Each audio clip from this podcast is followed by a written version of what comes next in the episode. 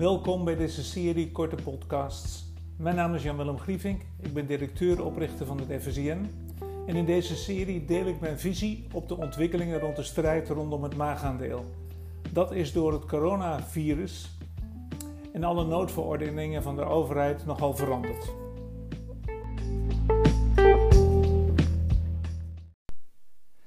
Dit is de tweede podcast van Jan-Willem Grievink. In de eerste heb ik het gehad dat uh, er blijft social distancing. De anderhalve meter verdwijnt wel, maar we krijgen allemaal digitale tools. Dat grote groepen bijeenkomsten het gewoon lastig krijgen, vooral binnenshuis. Ik heb het gehad over formules die alles kunnen worden. Dat er minder horeca komt. En dat retailers veel meer de rol van horeca ook gaan oppakken. En ik heb het gehad over downgrading bij de consument de 20-60-20 regel. In deze nieuwe podcast, weer een korte, wil ik het hebben over ja, het nieuwe normaal in de samenleving. Weer vijf dingen. In de eerste plaats de verandering in de samenleving. Dat is dat er veel meer nadruk komt op veiligheid. Maar ook tegelijkertijd de waarde van het contact. Als je dan bij elkaar kunt komen, dan ga je dat ook vieren. Dan wil je genieten en dan heb je daar ook geld voor over. We doen het dus minder vaak, maar als we het doen, dan gaat het met een hoge kwaliteit willen we dat dan. We zullen ook veel minder in het openbaar vervoer gaan reizen. Dat betekent dus dat alternatieven uh, in opkomst zijn. Nou, dat zien we nu al. De opkomst van het gebruik van de auto, weliswaar minder, maar toch veel meer mensen die met de auto gebruik maken. Of de elektrische fiets, of als het heel dichtbij is, de gewone fiets. We gaan uh, veel meer thuiswerken. Dat betekent ook alle sociale spanningen. Daar moeten we ook nog meer leren omgaan. Uh, we gaan veel minder reizen voor ons plezier. Het vliegen zal nog heel lang duren voordat dat weer op een bepaald niveau terug is.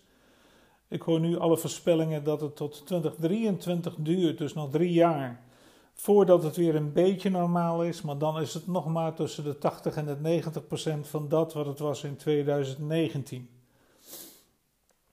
Nou, al deze dingen, die verandering in de samenleving, betekent dat er veel meer gepland gaat worden. Dat betekent dat er kansen zijn voor degene die de consument kunnen ontzorgen.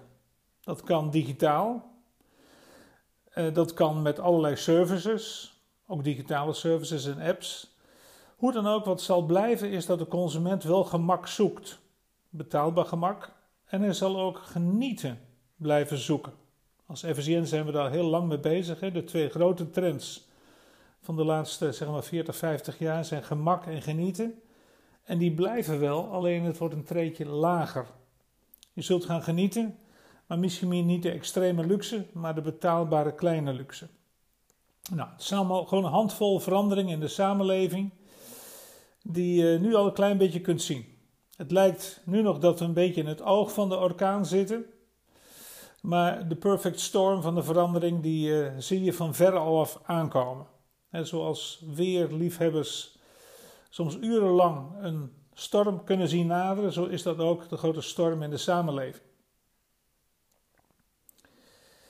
Nou, de tweede grote verandering is dat we krijgen uh, een vorm van private dining. Ik heb er in de eerste blog al even op geduid. Uh, horeca zal, en dat zie je nu ook al gebeuren, zal nieuwe wegen moeten vinden om verdienmodellen in hun panden effectief te maken. Nou, dat betekent dat hotels die gaan met verwenopties komen, waarin je all-inclusive iets krijgt. Misschien gaan ze ook wel uh, koks en restaurateurs gaan aanbieden om voor jouw groep te koken en een restaurant daarvoor open te zetten. Gaan aanbieden om uh, stukken van het restaurant voor jou te reserveren. Je krijgt allemaal opties die er nu nog niet zijn. En je kunt er met apps, kun je als het ware daar ook op inhaken. Dat geldt ook voor de terrassen. Stukken terrassen die je dan uh, misschien wel voor jou kunt reserveren. We gaan, als het gaat om private dining gaan we allerlei nieuwe vormen nog krijgen. De derde grote verandering is het beïnvloeden van en door de overheid. Dat zag je nu al een klein beetje gebeuren. En is de grote vraag: Ehm, hoe blijft dat? Gaan we nieuwe manieren van lobbyen krijgen? De overheid zal nog heel erg sterk in de regierol uh, blijven zitten. En volgens mij bevalt ze dat zo goed dat ze het wel eventjes duurt voor ze daarvan afstappen.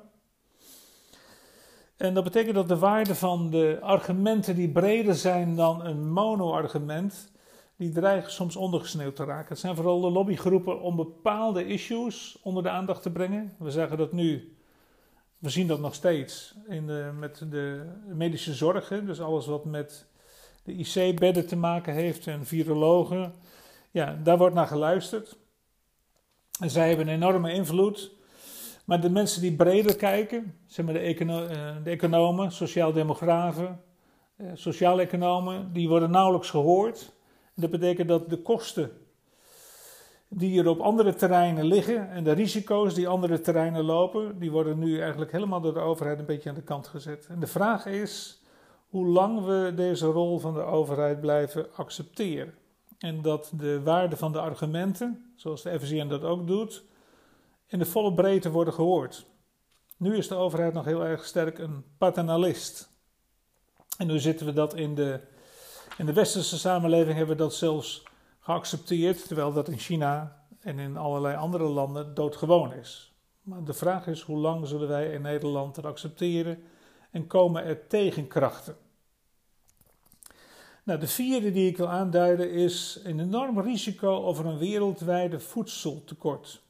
En de voedselketen uh, zal minder complex gaan worden. Hij wordt, uh, wordt versimpeld. Ten nu toe loopt hij heel soepel.